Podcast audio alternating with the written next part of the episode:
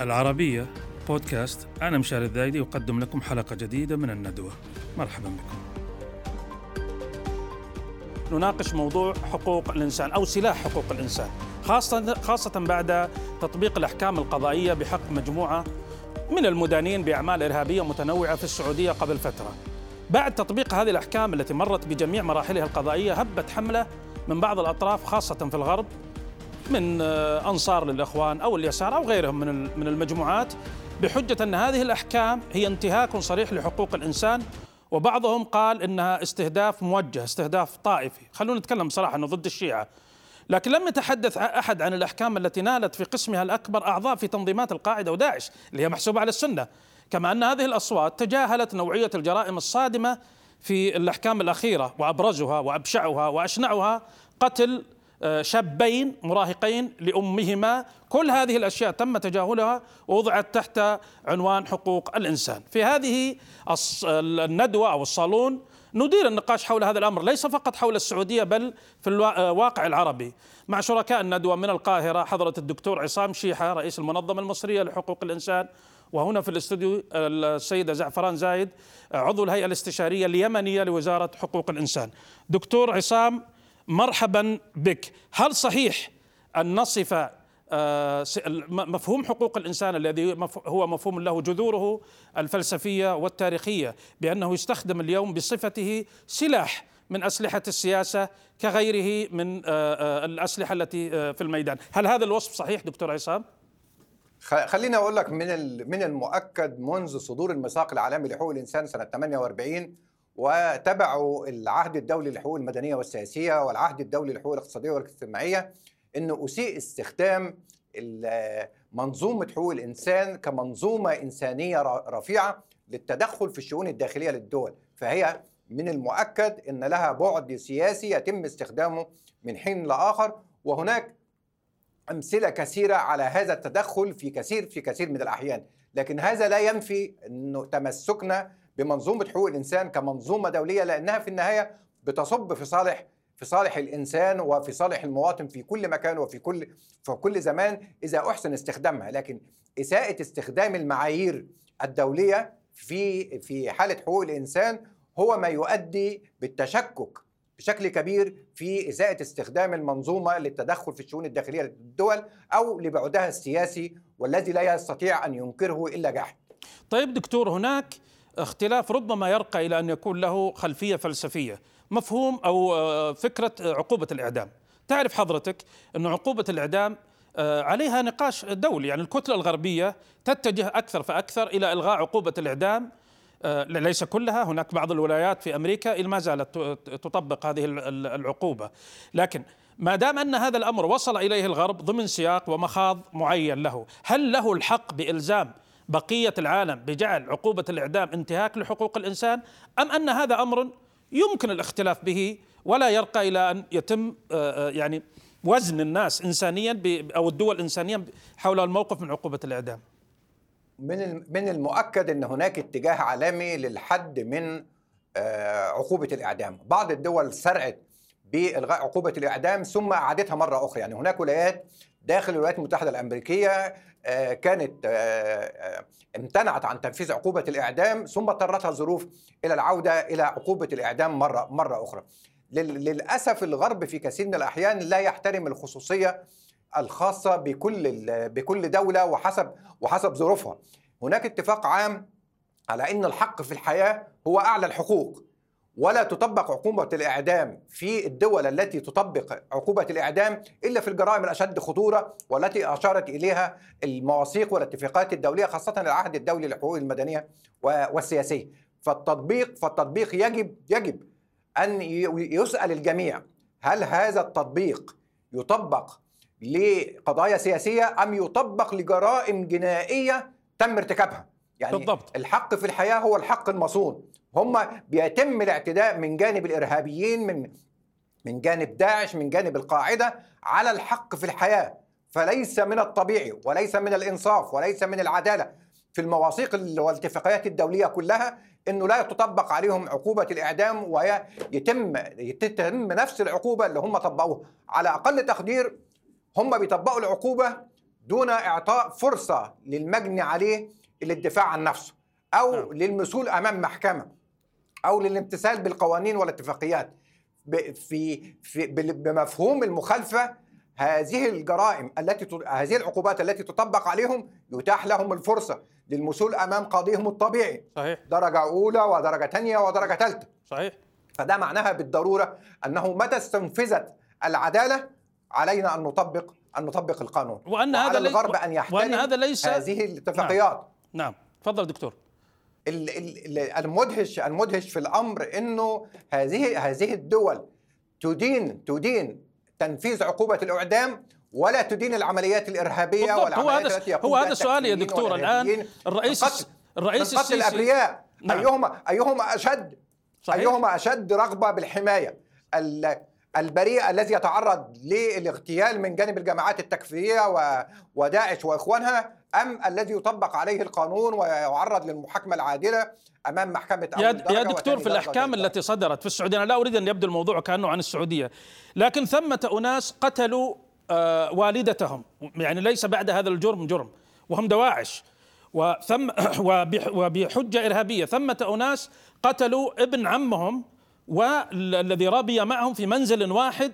طبعا في الأحكام التي التي قبل عرفت القضية في السعودية تحت عنوان تكفى يا سعد تكفى كلمة آه، عاميه تعني أرجوك يعني أرجوك يا سعد. سعد هو القاتل الداعشي. قتل ابن عمه وزوج أخته وربيبه في المنزل إضافة إلى دواعش وأعضاء في تنظيم القاعدة قتلوا من رباهم ال- الذي أريد الوصول إليه والتأكيد على النقطة التي أشرت إلى حضرتك إنه يتم النظر بعين واحدة. إذا تأذن لي أنا سأرجع إلى هذه النقطة لكن أستاذ آه، زعفران هل ينظر الغرب الآن اليمن قضية آه، لها عدة أبعاد لكن من أبعادها الأساسية انتهاك حقوق الإنسان الحق في العيش الحق في الطعام الحق في التعليم الحق في الصحة كل هذه حقوق إنسان.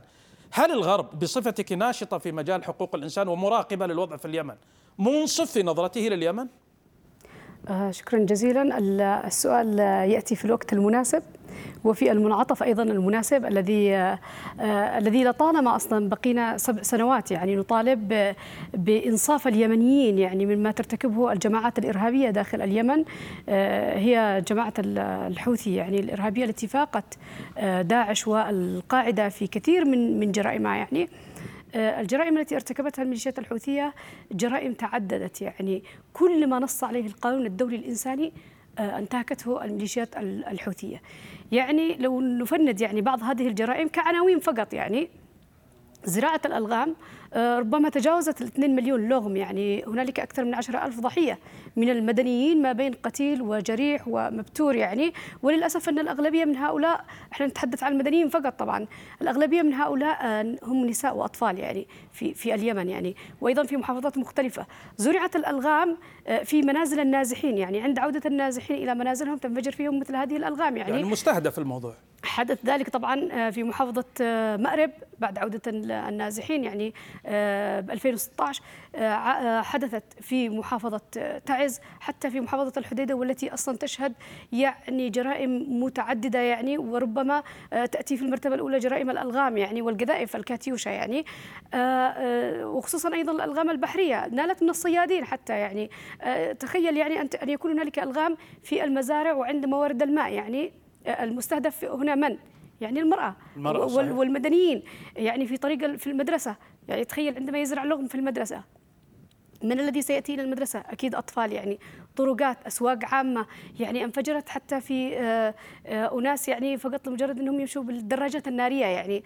آه، تخيل هنالك عائلة عائلة عثمان جلاجل يعني البيت عشة عبارة عن عشة في تهامة يعني والميليشيات الحوثية زرعت له اللغم داخل هذه ال- العشة يعني مجرد أن دخل هو أبنائه انفجر فيه اللغم هذه طبعا هذه واحدة من الانتهاكات وقائع مأساوية لا ما يعني. في شك تتحدثين عن. لكن لا أنا أريد أن تحدثتني حدثتيني قبل هنا عنك شخصيا أنا- تعرضتي أيضا لانتهاك حقوق إنسان من طرف الحوثي. ممكن نطلع الناس عشان نحكي عن واقعة محددة عن شخصية أمامنا اليوم. آه، نعم يعني حتى نظهر أيضا الازدواجية في المعايير وفي تطبيق ال- المواثيق الدولية ومدى احترامها يعني وكيف أنها تختلف لمجرد الجغرافيا يعني. نعم.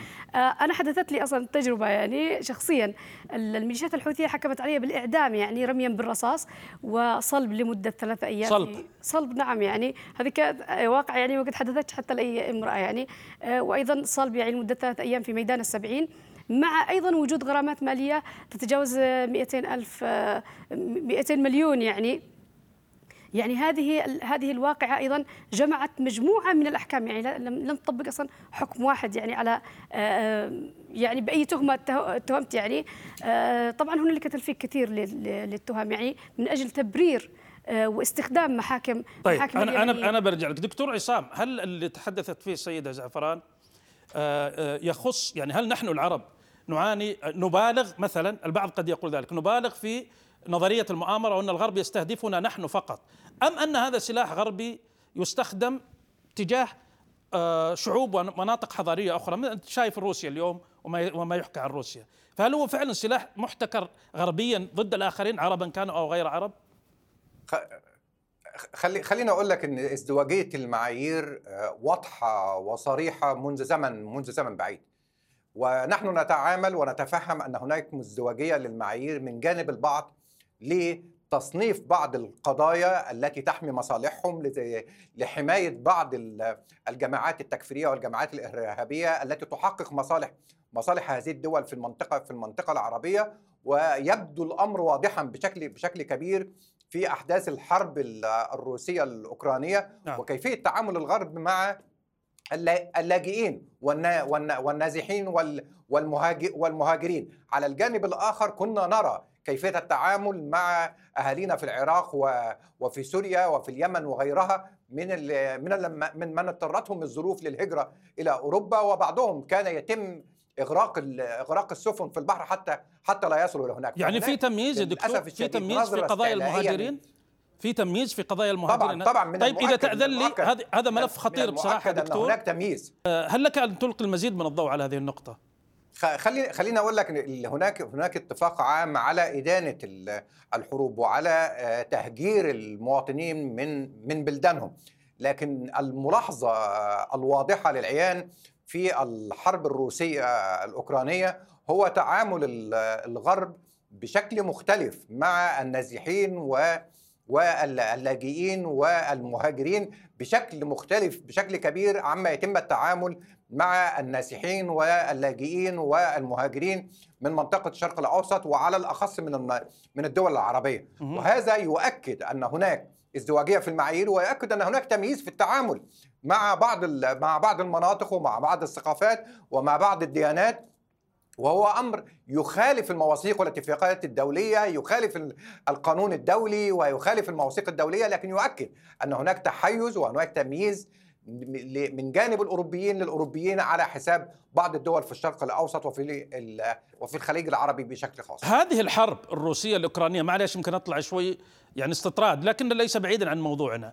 هل كشف أن ثمة مكنون عنصري مدفون في آه، آه، آه، الضمير الغربي لا لا أريد التعميم حتى لا أكون ظالما لكن خرجت بعض تقارير المراسلين تقول إنه لا يمكن أن نتخيل أن تقع هذه الحرب في الأرض الأوروبية نحن الشعوب المتحضرة نحن الشعوب البيضاء نحن الشعوب ال... أتخيل أن أن أجدها في أفغانستان في العراق في سوريا في اليمن في مصر ربما في غيرها من في فيتنام حتى ضربوا لكن في أوروبا إن ذلك ذلك ما لم نسمع به في في آبائنا الأولين كما يقال هل هذه هل هذه الحرب فعلا دكتور عصام كشفت إنه في مكنون عنصري ما آه، آه، في الضمير الغربي؟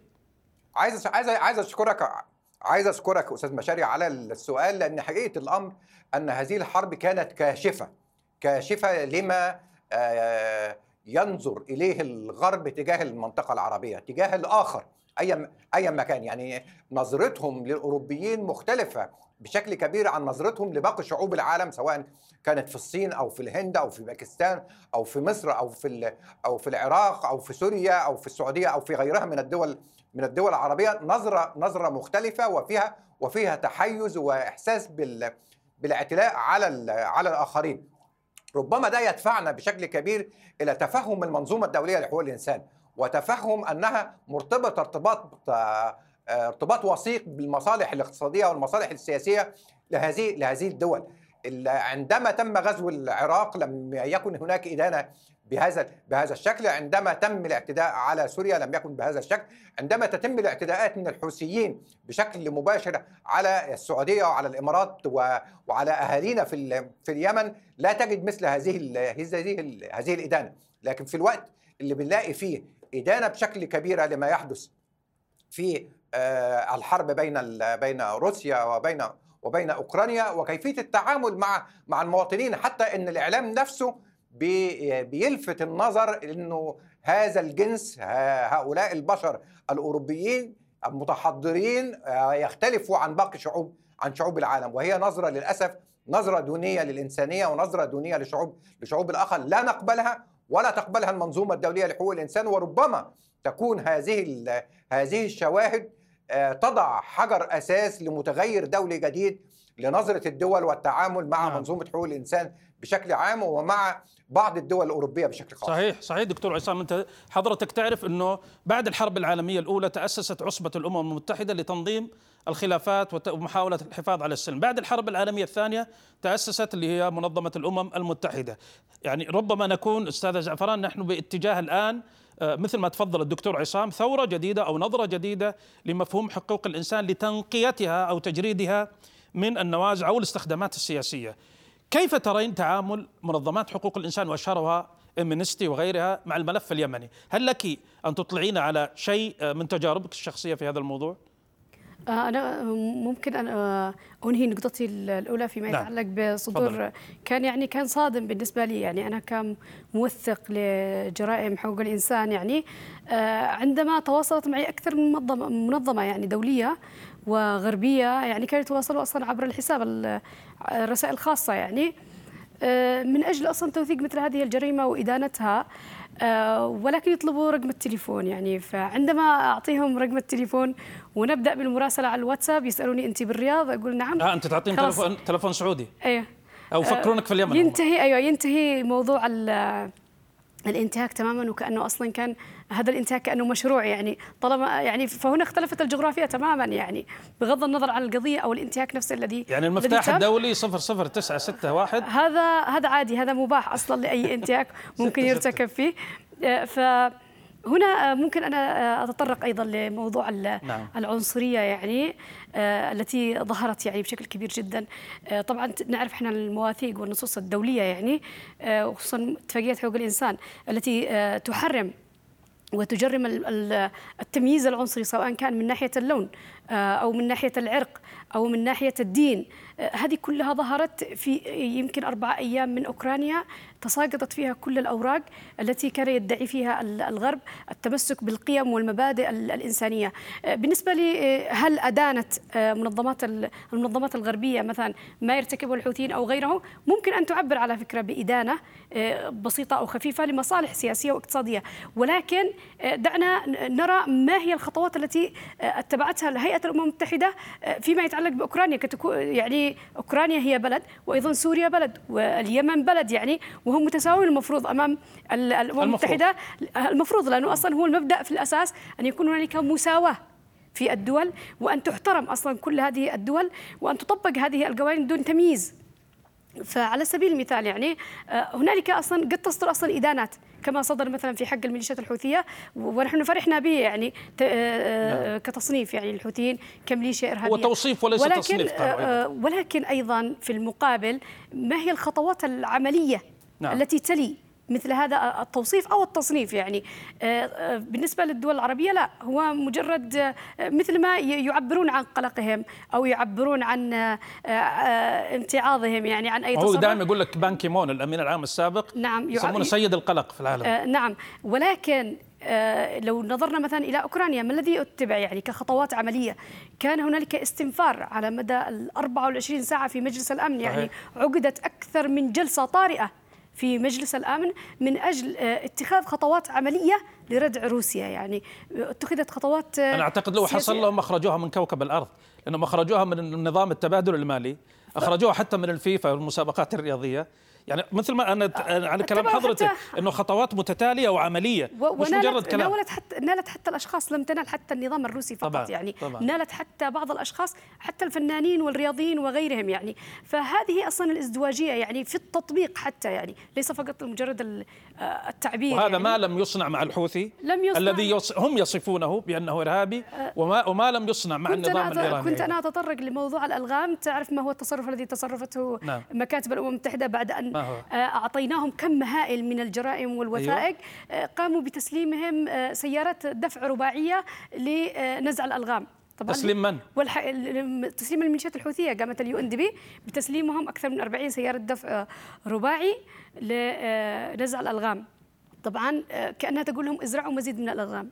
لا يعني نستطيع أن نقول هذا بشكل صريح بس النتيجة العملية هي هذه ما هو أصلا هم يعرفون وموقنين بأن الميليشيات الحوثية هي التي تزرع الألغام في اليمن منفردة نعم. لا يوجد أي طرف يستخدم الألغام لأن الألغام أصلا هي من الأسلحة المحرمة دوليا والتي صحيح. لا يجوز أصلا استخدامها في الحروب يعني صحيح. بموجب القانون الدولي الإنساني صحيح. لأنه القانون الدولي الإنساني البعض يعني يخلط بينه وبين القانون المدني أو أي قانون آخر نعم. القانون الدولي الإنساني هو قانون حرب هو القانون الذي ينظم أصلا العمليات عمليات الحرب نفسها هو القانون الذي يصنف أي عملية عسكرية إن كانت انتهاك نعم. أو ليست انتهاك طيب دكتور عصام هذه التوصيفات السريعة التي سمح بها الوقت لتحيز الغرب أو لتناقضه أو لنقل إنه في مكان يرفع الصوت وفي مكان يخفض الصوت كما ذكرت السيده زعفران في اليمن رغم الوثائق التي قدمت لهم لكن لم يتعاملوا معها بشكل عملي. أنا أريد أن أسأل سؤال حساس بحكم موقعك وتجربتك في هذا الملف. آه، حقوق الإنسان مثل ما تفضلت حضرتك هو مبدأ سامي. واصلا إذا بتكلم عن حضارتنا وثقافتنا أتت بالرحمة والعدل آه، للجميع.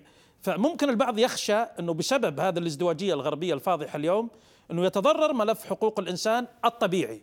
فكيف إحنا نصنع أسلوبنا العربي في أن نحن أصلا نريد حقوق الإنسان بصرف النظر عن آه، عن الغرب؟ يعني إنه إنه إنه الباعث عربي داخلي يعني. خلينا خلينا نتفق خلينا نتفق على إن إحنا في حاجة إلى تحسين حالة حقوق الإنسان في المنطقة العربية بشكل دائم وبشكل مستمر، لا توجد دولة في العالم وصلت إلى حد الكمال في احترام حقوق الإنسان والحفاظ على كرامة على كرامة المواطن، علينا أن نسعى إلى تحسين حالة حقوق الإنسان وعلينا أن نحترم سيادة القانون وعلينا أن نحترم سيادة القضاء وعلينا أن نحترم الفصل بين بين السلطات. حتى لا نعطي فرصة للآخر للتدخل في الشؤون في الشؤون الداخلية الخاصة بالخاصة بالدول العربية، هناك إرادة سياسية متوفرة في الوقت الراهن الراهن لدى عدد كبير من الدول العربية لتحسين حالة حقوق الإنسان، وأنا أعتقد أن دي نقطة الأساس ونقطة الانطلاق أن تتوافر لدينا الإرادة السياسية لتحسين حالة حقوق الإنسان بأنفسنا دون انتظار تدخل الآخر أو لفت النظر أو لفت النظر إليه. حالة تحسين حالة حقوق الإنسان في المنطقة العربية سوف تكشف نظرة الآخر وسوف آه، تكشف الآخر أنه لديه ازدواجية في المعايير وستكشف صحيح. أن الآخر يستخدم منظومة حقوق الإنسان. الراقية للتدخل في الشؤون الداخلية أتفق معك تماما يا دكتور وإحنا بالنهاية نحن بحاجة إلى هذا الأمر كما أننا بحاجة لتنفس الهواء وشرب الماء دون أن يحثنا الغرب على تنفس الهواء وشرب الماء في نهاية هذه آه، الندوة أو النقاش أشكر الدكتور عصام شيحة آه، من مصر كما أذكر أشكر السيدة زعفران زايد من اليمن وأشكركم مشاهدينا على مشاطرتنا. هذه الدقائق لإجراء نقاش حول هذا الأمر والملف يحتمل المزيد أكثر وأكثر. أنتظركم في ندوة مقبلة. إلى اللقاء.